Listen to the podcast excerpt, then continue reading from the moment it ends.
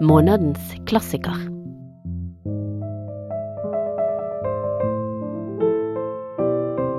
En podkast fra Bergen offentlige bibliotek.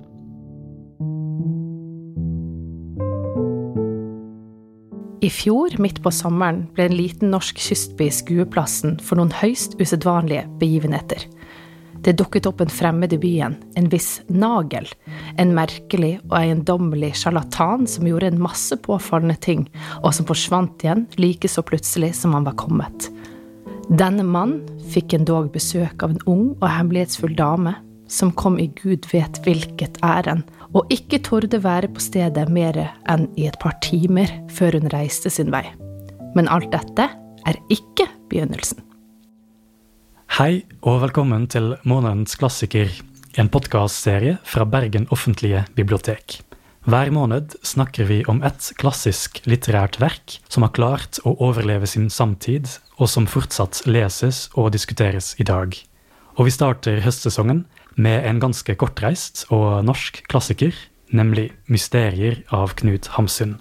Dette er en roman som kom ut for første gang i 1892, men som stadig kommer ut i nye utgaver og nye oversettelser, og som verden fremdeles ikke er helt ferdig med. Hvorfor dette er slik, skal vi prøve å komme inn på i denne samtalen. Mitt navn er Robin van de Valle, bibliotekar på Bergen offentlige bibliotek. Og med meg i studio har jeg Frode Helmich Pedersen, Frode er eh, førsteamanuensis i nordisk litteratur på UiB, og er også virksom som kritiker, bl.a. i Morgenbladet. I 2021 ble han også kåra til årets kritiker av Kritikerlaget. Hjertelig velkommen til oss, Frode.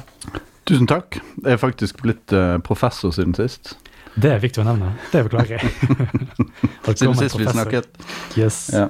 Um, jeg har lyst til å åpne samtalen om Hamsun med det faste spørsmålet som vi alltid åpner med, nemlig hva er egentlig en litterær klassiker? Hvis du kunne gitt en definisjon av, av det begrepet. Ja, altså Det veldig enkle svaret på det er jo en eh, bok som har veldig stor grad av litterær kvalitet, og som dermed, som du selv sier i introduksjonen her, overlever sin egen samtid. Altså leses da Eh, og jobbes med også lenge etter at den er skrevet. Eh, man kan si det at eh, du har alltid en slags et valg, kan man si, som leser. Du kan lese primært samtidslitteratur, eller du kan holde det til den kanoniske litteraturen, eller altså klassikerne. Og da er det jo litt sånn at klassikerne har på den ene siden jo vært samtidslitteratur, men det er jo veldig lite som, av samtidslitteraturen som blir klassikere. Så da kunne man jo f.eks. si det at eh, ja ja, men da leser jeg bare klassikere. For de er jo tross alt de beste. Mm. Men da skal man huske på at samtidslitteraturen også har en litt annen funksjon enn klassikerne. Klassikerne er så å si eh, på sett og vis tidløse. De er jo ikke akkurat tidløse, for de forandrer seg med tiden, men de er overlever tidene. Men samtidslitteraturen har mer en sånn ø, kommenterende funksjon også. Men man ser jo altså en, Den kommenterer vår samtid på en måte som klassikerne ikke kan. Mm. Men man ser jo helt klart når man leser en bok som 'Mysterier', f.eks., så ser man jo veldig mye av Hamsuns egen samtid i romanen. Og det er jo også noe som man kan tenke over. da. Er det lett å, å sette fingeren på hva det er som gjør at en bok overlever sin samtid, eller blir det bare sånn etterpåklokskap fordi vi veit at visse bøker overlever og andre ikke gjør det? Ja, altså Der er jo mange uh, beskrivelser av hva litterær kvalitet egentlig er for noe, hva som karakteriserer det. Og det er jo at, uh, at det på en eller annen slags måte er det jo levende. Men det er også da Og for at det skal være levende, eller hvorfor er det levende? Jo, det er antagelig fordi at det er originalt. Mm. Det var originalt, og det forblir interessant fordi at det er på en måte noe evig ved den originaliteten, da. Men det, det finnes jo mange andre måter å snakke om det på. Sant? Det har en kraft. Det, det, har en evne til å tale til oss, selv om det er skrevet for veldig lenge siden. Mm. Uh, men utover det så er det litterær kvalitet noe som kanskje først og fremst ligger i erfaringen. Altså Du merker det når du leser, rett og mm. slett. Ja. Subjektivt, altså? Ja, su nei, subjektivt det vil, ikke, det vil ikke jeg sagt. Det er dine ord. Uh, subjektivt syns jeg ikke vi skal kalle det.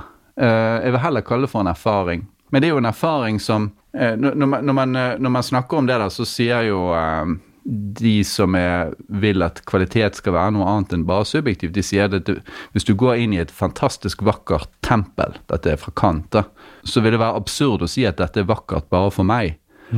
Sånn, så man, man forutsetter egentlig, altså Erfaringen tilsier at dette er en erfaring som, er, som andre også kan ha, og som de sannsynligvis vil ha på litt forskjellige måter. Ja. Ja.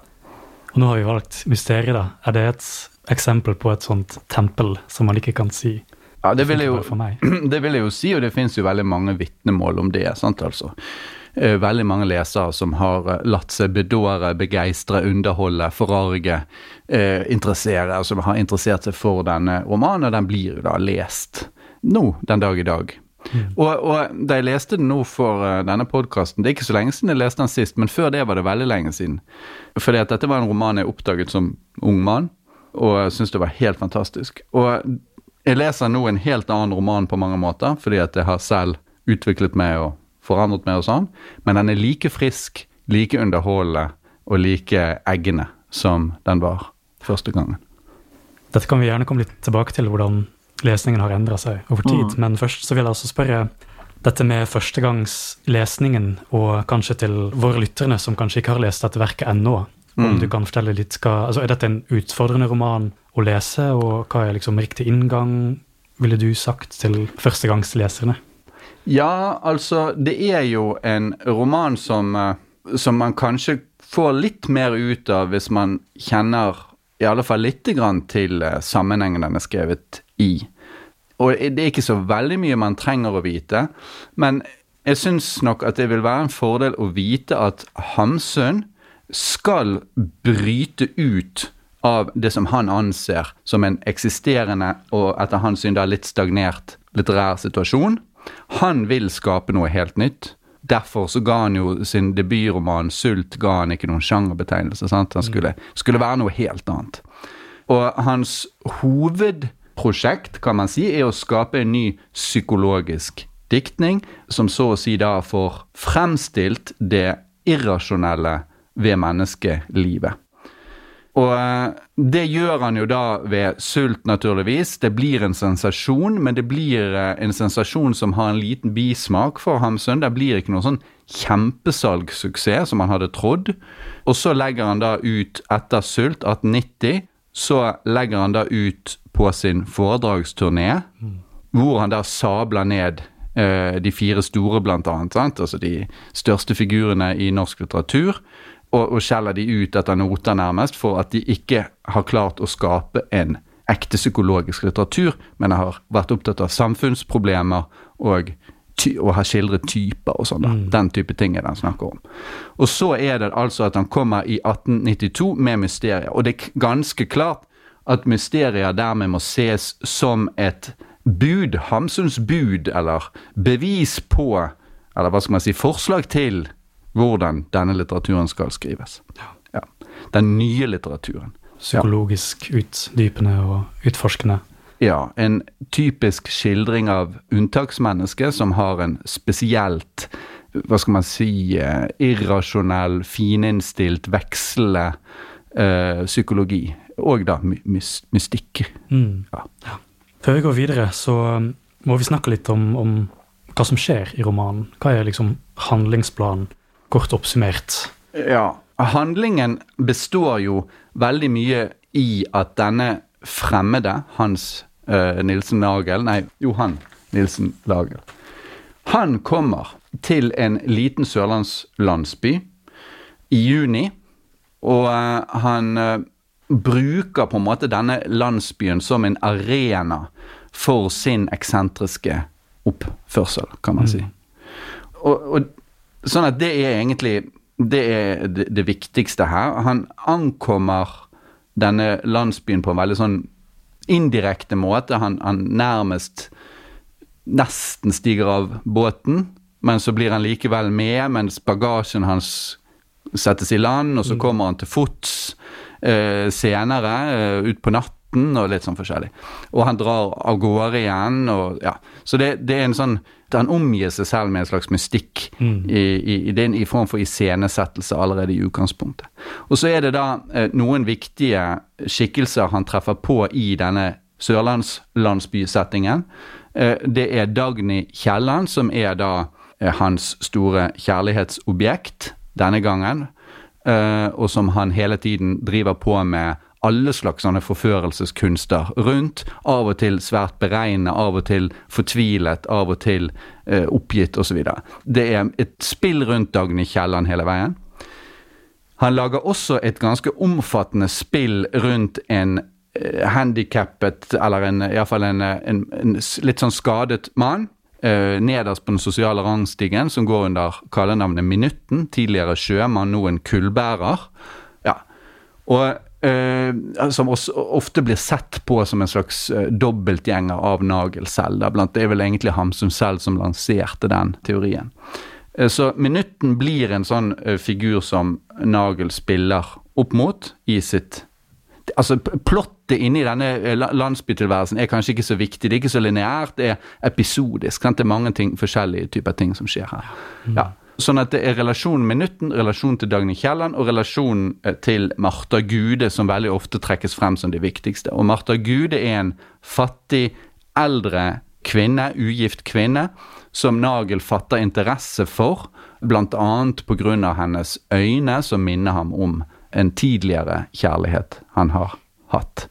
Og så er det jo da hvordan Nagel hele tiden provoserer dette borgerskapet i denne lille byen med sine eksentriske innfall, frekkheter, sine oppfatninger om de store menn. Altså Han er en, en person som ikke respekterer på en måte de vedtatte sannheter, og hele tiden eh, overrasker og forarger med sin atferd, men som også alltid evner å være i eh, sentrum for oppmerksomheten. Ja. Denne hovedpersonen Johan Nilsen Nagel, som ja, en eksentriker, som du Ja. sier det, han blir også beskrevet som den, den, ja, den mysteriøse, ikke sant? Han er usedvanlig, den eiendommelige sjarlatan, Ja. en fremmed som kommer til byen. Men hva Altså, det er tydeligvis han da som er kjernen i dette prosjektet med å vise fram det mangefasetterte menneskesinnet. ja. Men hva, ja, altså, hvor, hvordan klarer Hamsun å gjøre det, og er Nagel liksom, hva, hva er Nagel for en person? Eh, Har han noen sånn kjerne, eller er det bare sånn eksentriske, rare påfunn? og Uh, ja, altså, jeg tror nok at, eh, at biografer etter hvert blir enige om at uh, For det første så er det et slags selvportrett av Hamsun selv.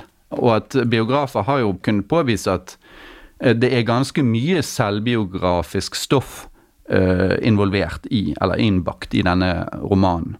Eh, Minutten, annet. Grøgård, som han egentlig heter. Han heter det også i, i romanen, men, men som, han, som også heter i virkeligheten. da.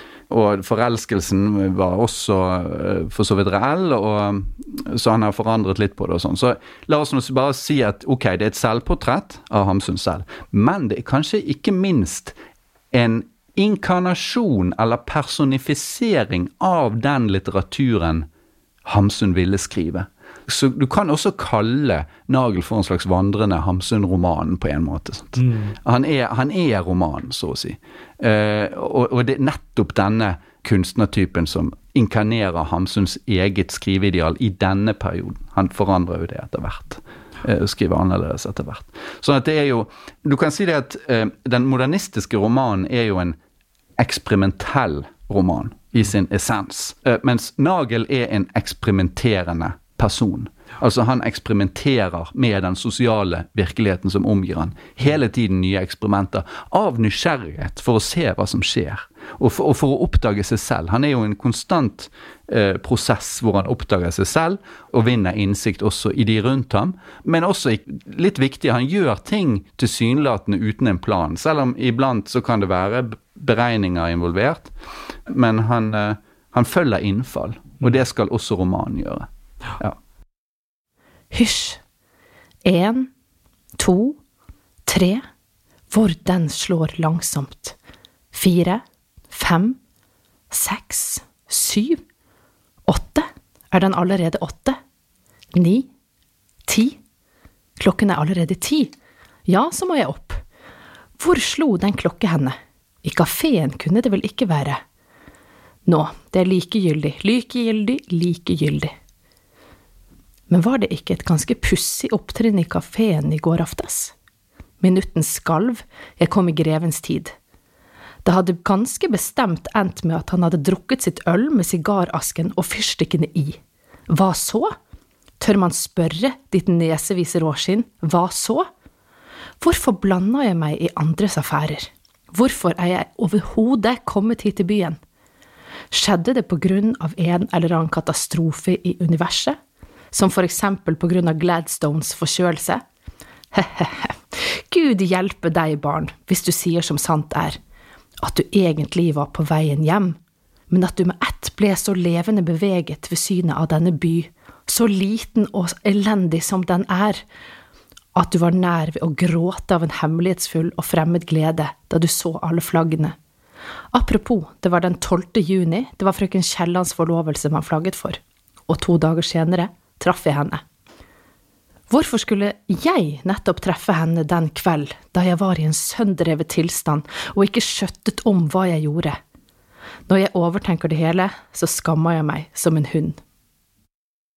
Er det, altså En ting som jeg har lurt en del på mens jeg leste romanen, er dette med altså Hvor oppriktig er han som karakter, og står det noe på spill? Liksom, Gjør han alle disse eksperimentene bare av interesse og nysgjerrighet, eller er det faktisk noe som er viktig der? Altså, det går jo heller ikke så bra med ham Nei. utover romanen, ikke sant? Så Jeg vet ikke hvor opptatt du er av å unngå plot-spoilers, men, eh, men det er klart, han fremstilles jo allerede i utgangspunktet som en potensiell selvmorder. Han har med seg gift, og så er det lagt veldig opp til en tilsvarende situasjon uh, som han selv havner i. eh, nemlig en beundrer av denne Dagny Kielland som begår selvmord med en pennekniv eller en, en sånn liten kniv eh, oppi, oppi skogen. Eh, og det, den er, det er en person han blir veldig Karlsen heter han, veld, som, som Nagel er veldig opptatt av. Så det er klart at det er et stort indre trykk. Det er ingen tvil om. Det er et stort indre trykk som, som, som driver Nagel. Han er både, uh, han er både vital og selvoppløsende. Han er både oppriktig og mystifiserende, altså selviscenesettende. Og den der, det der spillet mellom å mystifisere seg selv og avsløre seg selv, det er jo noe som man bruker. Uh, særlig overfor Dagny Kielland, da, i, i, i forførelsesteknikken overfor henne. Uh, først så gjør han et eller annet veldig imponerende eller edelt. Eksempel så redder han minutten ut av en veldig vanskelig situasjon, hvor han mobbes eh, på en sånn lokal vertshus der. Ja. Og så får jo da Dagny høre om dette og, og syns at det, han har opptrådt flott, så, men, men eh, det vet ikke, det vet ikke Nagel, eller ja. Så, så han gir en helt annen fremstilling av denne situasjonen, hvor han fremstiller seg som mye, mye verre. Ja, Så sånn driver han på, da. Men da blir jo spørsmålet jo, men når kommer vi til kjernen, så å si? Hva er sannheten om dette? Eh, og da, da er ikke det sikkert at man kommer bak denne masken. Altså at det er hele tiden nye masker. For bak denne selvavsløringen så er det egentlig et nytt spill. Så man kan si det at Nagel er en person som er kanskje primært opptatt av å holde dette eksperimentet eller spillet gående. Han er ikke en person som egentlig ønsker en stabil kjærlighetslykke, f.eks. Derfor, derfor ikke han, han er ikke noe interessert i et samliv med, med Dagny Kielland, sånn som jeg ser det. Mm. Og ikke i den bygda heller. Det er liksom den trygge outsider-posisjonen som man Ja, som man holder dyrker. fast ved. Ja. Ja. Mm. Som et litterært, modernistisk verk, så er han avhengig av å holde seg i bevegelse og holde eksperimentet så å si gående. Mm. Ja. Og der tror jeg nok at jeg tror nok at mye av forskningen på Knut Hamsun har gått seg litt vill i, i den psykologiseringen. For det er ikke alt her som, er, som man bør forstå ut fra en psykologisk, realistisk fremstilling. Altså, de, dette handler også om litteratur, rett og slett. Hva litteratur skal være. Og Nagel er delvis litteratur. Eh, uansett hvordan man ser på det. Ja. Hva slags andre um, tematikker ville du trukket frem, hvis du liksom skulle oppsummert hva er den viktigste Vi snakket jo litt om dette med outsider og litteratur. Um, Jo, du kan jo trekke litt noen temaer ut av det jeg har sagt. Altså, det, det utgangspunktet mitt uh, med en ung forfatter Han er jo ikke så ung på dette tidspunktet, men han er ny i hvert fall, på scenen. Det er kampen for anerkjennelse. Den ligger der. Den, den outsideren som skal inn, mm. men som kanskje heller ikke har lyst til å være uh, helt inne. Mm. Ja. Men uh, outsiderens kamp for anerkjennelse er nok der, som hele tiden veksler med en slags ensomhetsfølelse. Det tror jeg nok er med. Og så er det jo, så er det jo kunstnerfiguren, så kunstnertemaet. Hvordan en kunstner øh, Hvilke kår han har i et samfunn som er på mange måter sneversynt. Mm. Um, så kunstnerens skjebne er med her, uh, og som da spiller hele tiden opp mot samfunnets fordommer og konvensjoner, som han da hele tiden selvsagt må bryte, og som, som han til en viss grad inviteres til å bryte, fordi at han da blir underholdende, mm. men samtidig uh, som forsøker å sette grenser for, for hvor langt han kan gå. Og det er grenser som han er nødt til å bryte. Ja. Apropos dette med kunstner, så et av de mest påfallende attributtene som han har i romanen, er jo den der ja. fiolinpassa, ja. ikke sant, som han eh, allerede når han ankommer med skipet også, som han mister, og, men så har han jo en fiolinkasse med seg som en iøynefallende ting. Ja. Men så viser det seg at det, nei, det er bare skittentøy som ja. ligger i den. Han ikke spiller ikke fiolin i det hele tatt, påstår han. Ja. Men så likevel senere i romanen så viser det seg at han likevel spiller fiolin, og at han har en sånn fremførelse foran de folkene som han selv igjen da avfeier og sier at nei, nei, dette var bare tull og tøys, det var dårlig spilt, mens de andre i vill ekstase nesten over. Ja, de er trollbundet, sant. Ja. Og det, det, det, inngår i den der dialektikken, eller vekslingen mellom selvavsløring og uh, selvhevdelse, kan vi også kalle det for. det. Mm. Uh, altså han rakker ned på seg selv og løfter seg opp i et sånt mønster for å hele tiden å, å, å vekke interesse. Sånn at det der med skitnetøyet, det, det sier han jo selv først i et selskap på sankthansaften. Så sier han det at det er bare skitnetøy, det er ingenting der. Og så oppdager han denne værelsespiken. Ja, det er ganske riktig bare skitnetøy og noen papirer inni der. Men så kommer altså denne scenen hvor det viser seg at han kan spille. Men det er en, også en annen ting som han viser. Sant? Så viser den der dobbeltheten, og som også går på kunstnermotivet. Fordi at samtidig som han sier det der med skitnetøysvasken uh, som ligger inni der, så viser han jo publikum at han er en veldig sånn magnetisk forteller. Han, han, mm. han, holder hele selskapet i ånde med all slags fortellinger og anekdoter og, øh, og stemningsskildringer. Sant? Som hele tiden også er sånn Er dette sant? Er dette litt sånn ja. overdrevet? Ja. Mm. ja. Sånn at, så han er både en utmerket forteller, og da viser det seg en, faktisk en fiolinist og en eksentriker. Så han er på alle mulige slags måter en kunstnertype, unntatt at han da faktisk ikke er kunstner av profesjon, og heller ikke har noe verk å vise til. Mm. Så, så, er, Men slik sett så inngår han i norsk tradisjon, faktisk. Du kan jo tenke på Per Gynt, f.eks., for, eksempel, for å ta forbildet som han da har uh, rakket ned på like før denne romanen kommer ut, Henrik Ibsen. Så Per Gynt er jo også en sånn type. Kunstnertype, men uten å være kunstner. Ligner litt på Torbjørn Granliden, også fra Synnøve Solbakken av Bjørnson, som da også er en sånn drømmer, uh, impulsiv og, og, på mange måter har sånne kunstnertrekk, men uten å, uten å være kunstner. Så Sånn sett så er det, det er en sånn type i norsk litteratur mm. som, som Hamsun her skriver seg inn i. Uh, og så Når det gjelder da utover det temaet, da, så er det jo en kjønnsproblematikk her, og så er det en erotikk, altså et erotisk tema hele tiden som, uh, som, forskningen har gjort en god del utover. Ut I forhold til uh, Dagny Kielland, den uoppnåelige pressedattera? Ja. Ja, sant? Og, og drifts, generelt den driftslivet som, som, kommer veldig tydelig frem i romanen. Uh, så Særlig da fra Nagels side, men, men, at det er klart at Dagny Kielland responderer jo uh, også erotisk og driftsmessig på hans fremstøt. Mm. Og uh, men så også dette med at, at Nagel er en type som, som beskrives som en til dels kvinnelig Med kvinnelige trekk, en kvinnelig munn osv., og, så og som opptrer på en sånn nervøs litt sånn, Han blir blir kalt for en mannlig hysteriker, sant? Ja. Mm. Så, så, han er en, eh, en, person som overskrider kjønnsstereotypier eh, også, da, kan man si. Og litt sånn incel-roman kanskje også tenkte jeg da jeg leste. Nei, det er jeg helt uenig i. Han, øh, øh, han, er en, øh, han er jo en stor forfører. Han, kan, han, han holder jo absolutt alle kvinnene i den byen i ånde. Så, så, så, Ingenting blir noe av. Nei, fordi at han ikke er Fordi at det ikke det han søker. Men, men, men det er jo da tegn til både i de fortellingene som han av og til uh, gir til beste, da, og uh, denne Kamma-skikkelsen, som er tydeligvis er en person som han har hatt et forhold til. Tidligere en dansk kvinne som dukker opp, tilsløret dansk kvinne.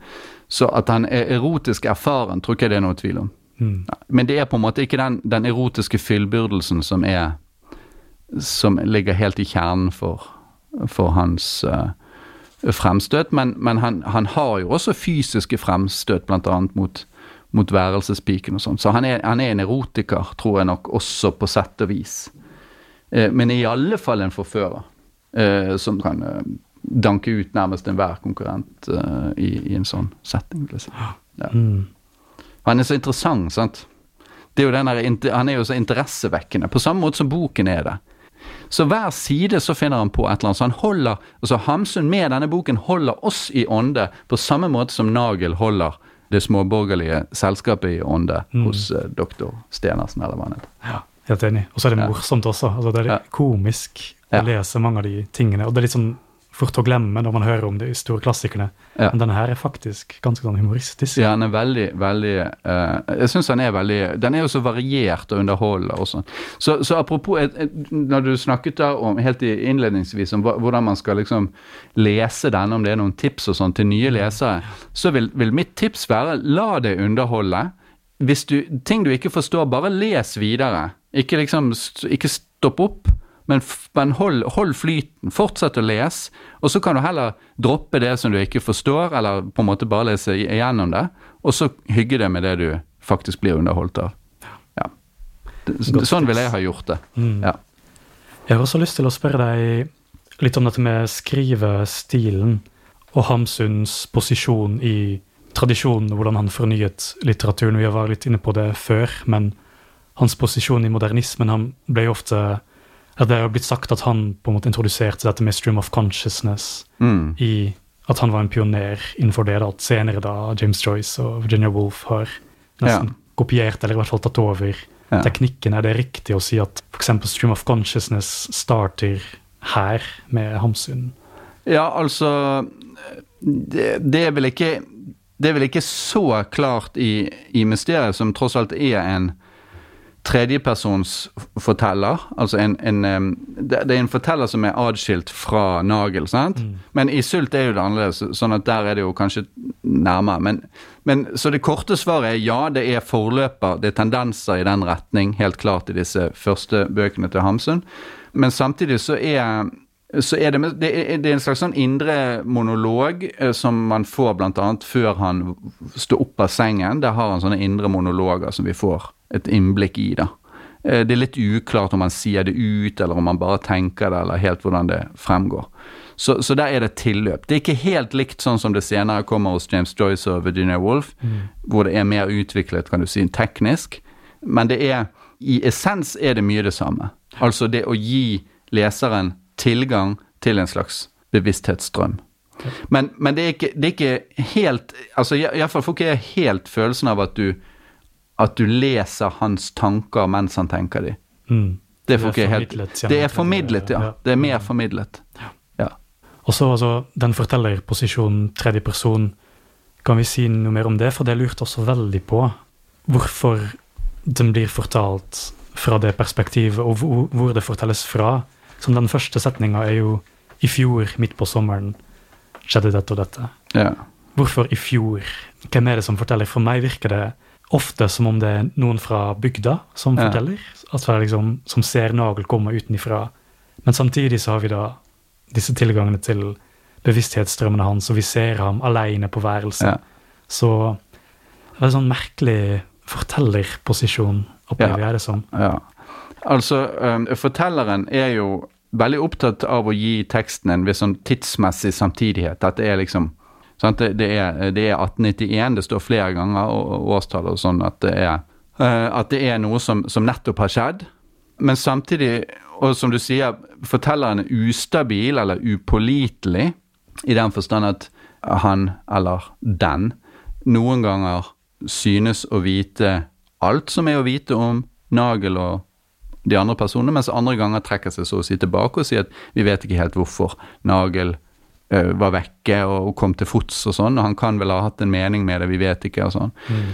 At det er en litt sånn kokett fortellerstemme, kan man si, og som inngår i denne nagelske uh, på en måte verden, da. Eller som, som passer veldig med det. Så, så du kan jo du, du, kan tenke det en, en Det er jo en en slags skrivende versjon av en nagelsk skikkelse. Du kan jo kanskje like gjerne kalle det for en hamsunsk avatar, denne fortelleren. Men det er en upålitelig forteller, da. Det, det, vil si det er en litt ustabil fortellerposisjon, litt upålitelig, og sånn sett typisk modernistisk. Ja. Og så på slutten kommer det jo også til syne, syns jeg, da, for selve slutten, uten at vi må gå så veldig detaljert inn i det. Det er også litt uklart hvordan man skal lese det kanskje? Litt sånn åpen Ja, du, du, kan si at det er i alle fall Altså, En sånn tredjepersonsforteller som, som, av denne typen, og typisk modernistisk type, som legger seg veldig tett opp til hovedpersonen, altså som kan følge hovedpersonen mens han ligger og muligens bare dagdrømmer. Det er litt uklart om han, om han formulerer disse ordene selv, antagelig gjør han det, men iallfall veldig tett på, mm. på sin hovedperson i enkelte tilfeller. Men og, og, veldig ofte så er det jo sånn at da forlater ikke fortellerinstansen den nærheten. Mens her gjør den det innimellom. Det vil si vi får av og til noen små scener hvor, hvor Nagel ikke er der, og da f.eks. slutten som foregår etter Nagels død. Eller Eller eh, forsvinning. Forsvinning, ja. ja. jeg tror, ja, ja. Men iallfall.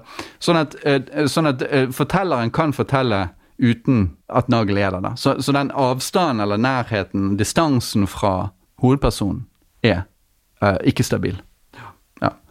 Men det gjør jo også at Du kan også si det at eller sånn som jeg i fall forstår når du sier det at den er uavklart på slutten, så vil jeg jo si egentlig at når fortelleren er tettest på Nagel, så er han minst pålitelig, på en måte. fordi at da er han inne i Nagel sitt spill. Mm. Mens det du får høre Du får jo høre noe om minutten, f.eks.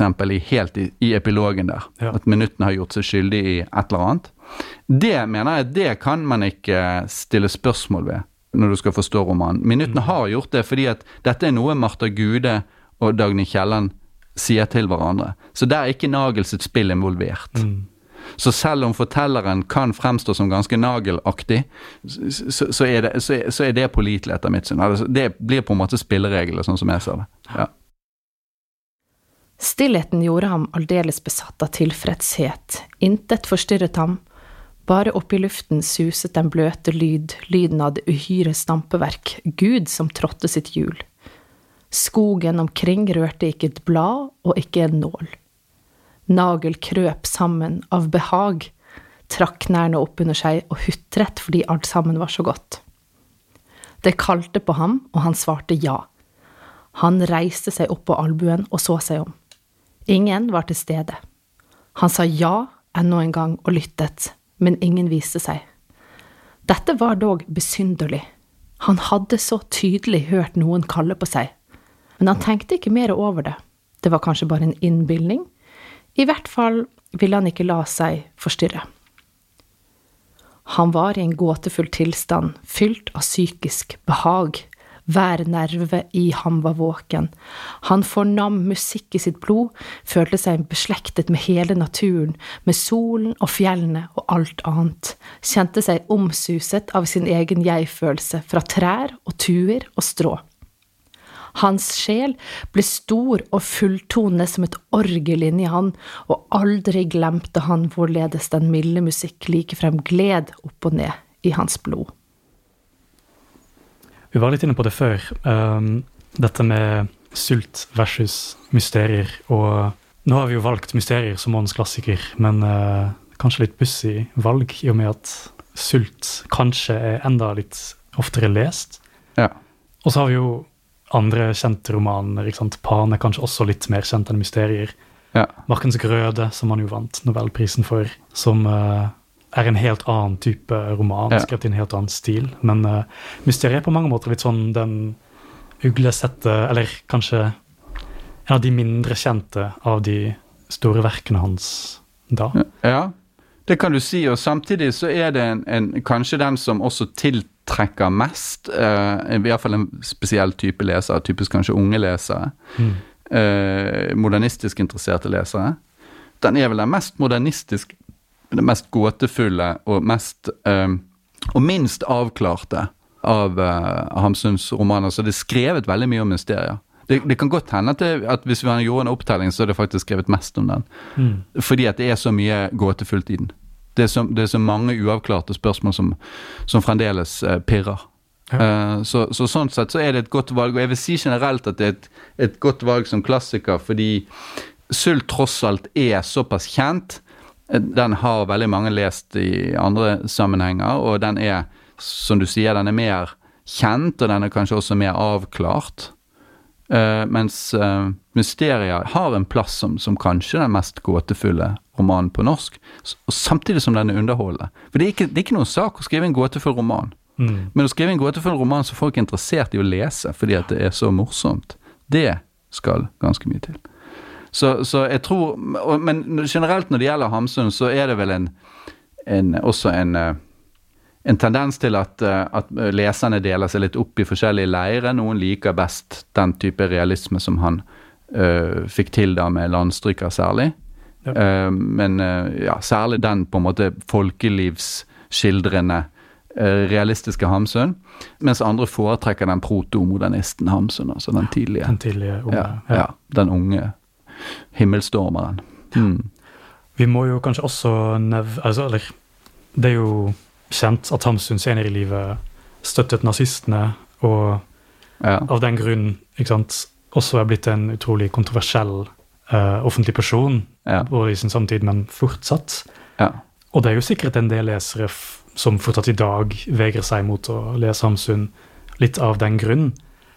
Men er det altså Nå er det jo lang tid mellom 1892 og 30- og 40-tallet, men er det spor av den ideologien som han senere støttet i denne romanen her, syns du? Eller hvordan skal vi forholde oss til den eh. problematiske Hamsun når vi leser mysterier? Ja, nei, altså jeg tror vel at du kan lese mysteriet helt fint uten å, å, blande inn nazismen, altså. Fordi at nazismen er ikke oppfunnet på det tidspunktet, og eh, Hamsun er Altså, hvis du skal Hvis du skal trekke ut en slags ideologi her, så er det jo en form for anarkistisk individualisme mm. uh, her. Uh, han, han, har en, han, har tilløp til menneskeforakt og noe litt mørkere innimellom, også her, men, men, det er ikke et ideologisk mørke, sånn som jeg ser det. Det er et, et menneskelig mørke. Mm. Altså han Ja, de, de, gangene han gir etter for en sånn Altså Nagel gir etter for en sånn um, litt mer sånn menneskeforaktende impuls, da som han gjør innimellom. Og han, han, forakter på en måte bonden som går med sitt brød og sin ku gjennom skogen. Sånn Ola Noristuen, eller hva han kaller han for. Mm. Ja. Så det er, en, det er en form for eh, åndsaristokratisk anarkisme eller noe sånt. Mer.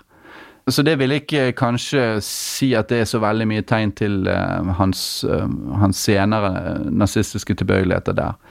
Generelt så er det vel uh, heller ikke slik at at man finner så mye nazistisk tankegods i hans romaner. Mm. Selv ikke senere.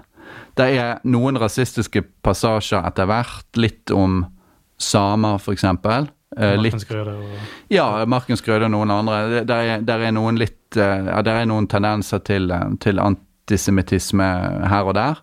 Uh, sånn at, uh, og Sigurd Hoel kalte jo det for 'steiner i åkeren'. Der, hvis, hvis, forfatterskapet er en åker, så ligger det noen steiner der. Det er også snakket om en stripe.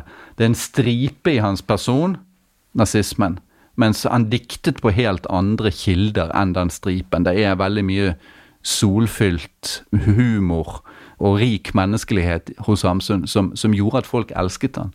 Og du skal huske på det at det, det er noe av det traumet med Hamsuns nazisme er jo den kjærligheten leserne hadde til han, som var helt unik. Altså, de elsket han. Mm. Og det, det fins jo mange som skrev om det også. Eh, sånn at når eh, Hamsun da valgte å støtte okkupasjonsmakten i Norge, så var det en stor sorg, rett og slett. En kjærlighetssorg for leserne, og, dermed opphav også til et helt sånn særegent hat mm. mot ham. For det, det sviket var så stort. da. Ja. Så det er et traume som, er, som vi ikke blir kvitt. Det er jo, det er jo fremdeles uh, et hett tema i, i diskusjonen om Hamsun. Mm. Men jeg må si at, og, og det, jeg syns det er et veldig interessant spørsmål Det leder til interessante refleksjoner. Du kan gjøre mye ut av det. Men når jeg leser Hamsuns romaner, så, så tenker jeg ikke på det. Det, det, det gjør jeg aldri.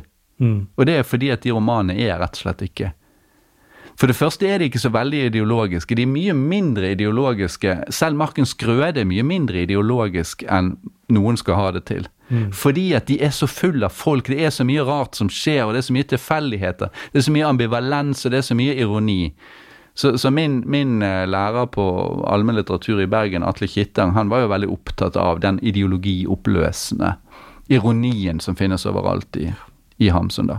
Og, og, det er jo eh, enig i, selv om jeg, selv om jeg nok leser Hamsun ganske annerledes enn han, så, så er det iallfall ikke en det, det, er ikke sånne ideologisk Det er ikke så mye ideologisk propaganda i, i Hamsun. Mm. Så, ja. Mm. Men samtidig det er frivillig å lese han. altså Hvis andre lesere føler ubehag ved, ved, ved å tenke at han, at han skrev nekrologen til Hitler osv. Og, så videre, og besøkte Hitler i Ørneredet Det var jo en katastrofe av et besøk.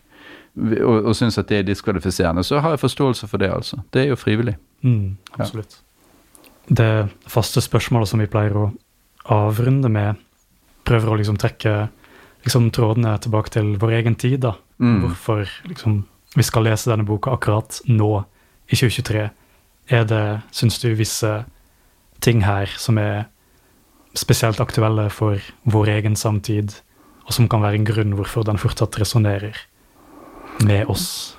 Eh, ja, altså Hvis du skal ha sånne stikkord, så kan jo dette med tema som utenforskap, f.eks., mm. er jo veldig sterkt tematisert. Altså både Minutten eh, og Nagel selv, eh, Martha Gude på sin måte, eh, er, jo, er, jo, sånn utenforskap-tematikk. Mm. Hvor du har et samfunn hvor, som består av en, et område hvor, hvor de som er innenfor trives og utfolder seg, og så hvordan folk på utsiden så å si skaller av eller blir støtt ut.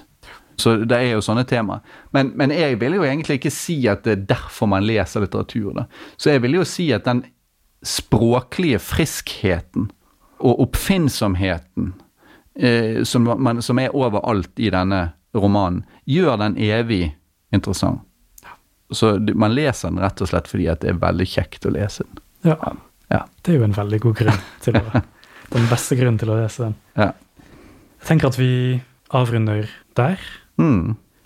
Er det noen aller siste ord som du føler at vi må få sagt før vi avrunder helt? Nei, ikke annet enn at etter du da har lest den, og, og så står igjen da med, med alle disse mysteriene, ja. så ikke gi deg, liksom. Les den igjen. Les den en gang til. Les kanskje litt om den. Jobb litt med den. Du, det, det, er visse ting det går an å komme til bunns i, tross alt. da. Mm. Det er ikke sånn at det bare er gåter. Det var veldig godt råd, og jeg er helt enig i det. det var, mm. Dette var fjerde gang jeg leste den, og det er jo påfallende hvor mye annerledes, altså hvor andre ting man legger merke til. Ja, ja, ja. Det er veldig fascinerende. Mm. Yes, Med dette vil jeg si tusen tusen takk til deg, Frode Helmich Pedersen, for denne gode samtalen. Og takk til deg, lytter.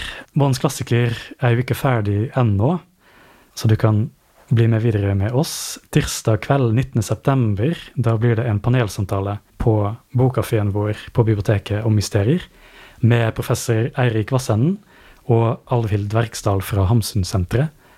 Og onsdag kveld 27.9. Eh, kan du bli med på klassiker-lesesirkelen vår, der vi skal diskutere denne boka.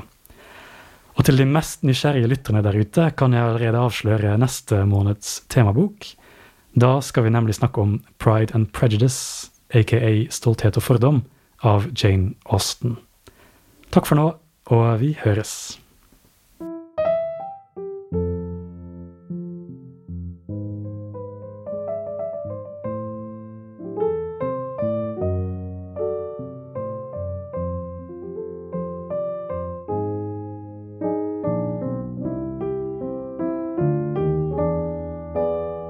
Dere lytter til en podkast fra Bergen offentlige bibliotek. Du finner flere podkaster fra oss på våre nettsider bergenbibliotek.no, eller der du lytter til podkast.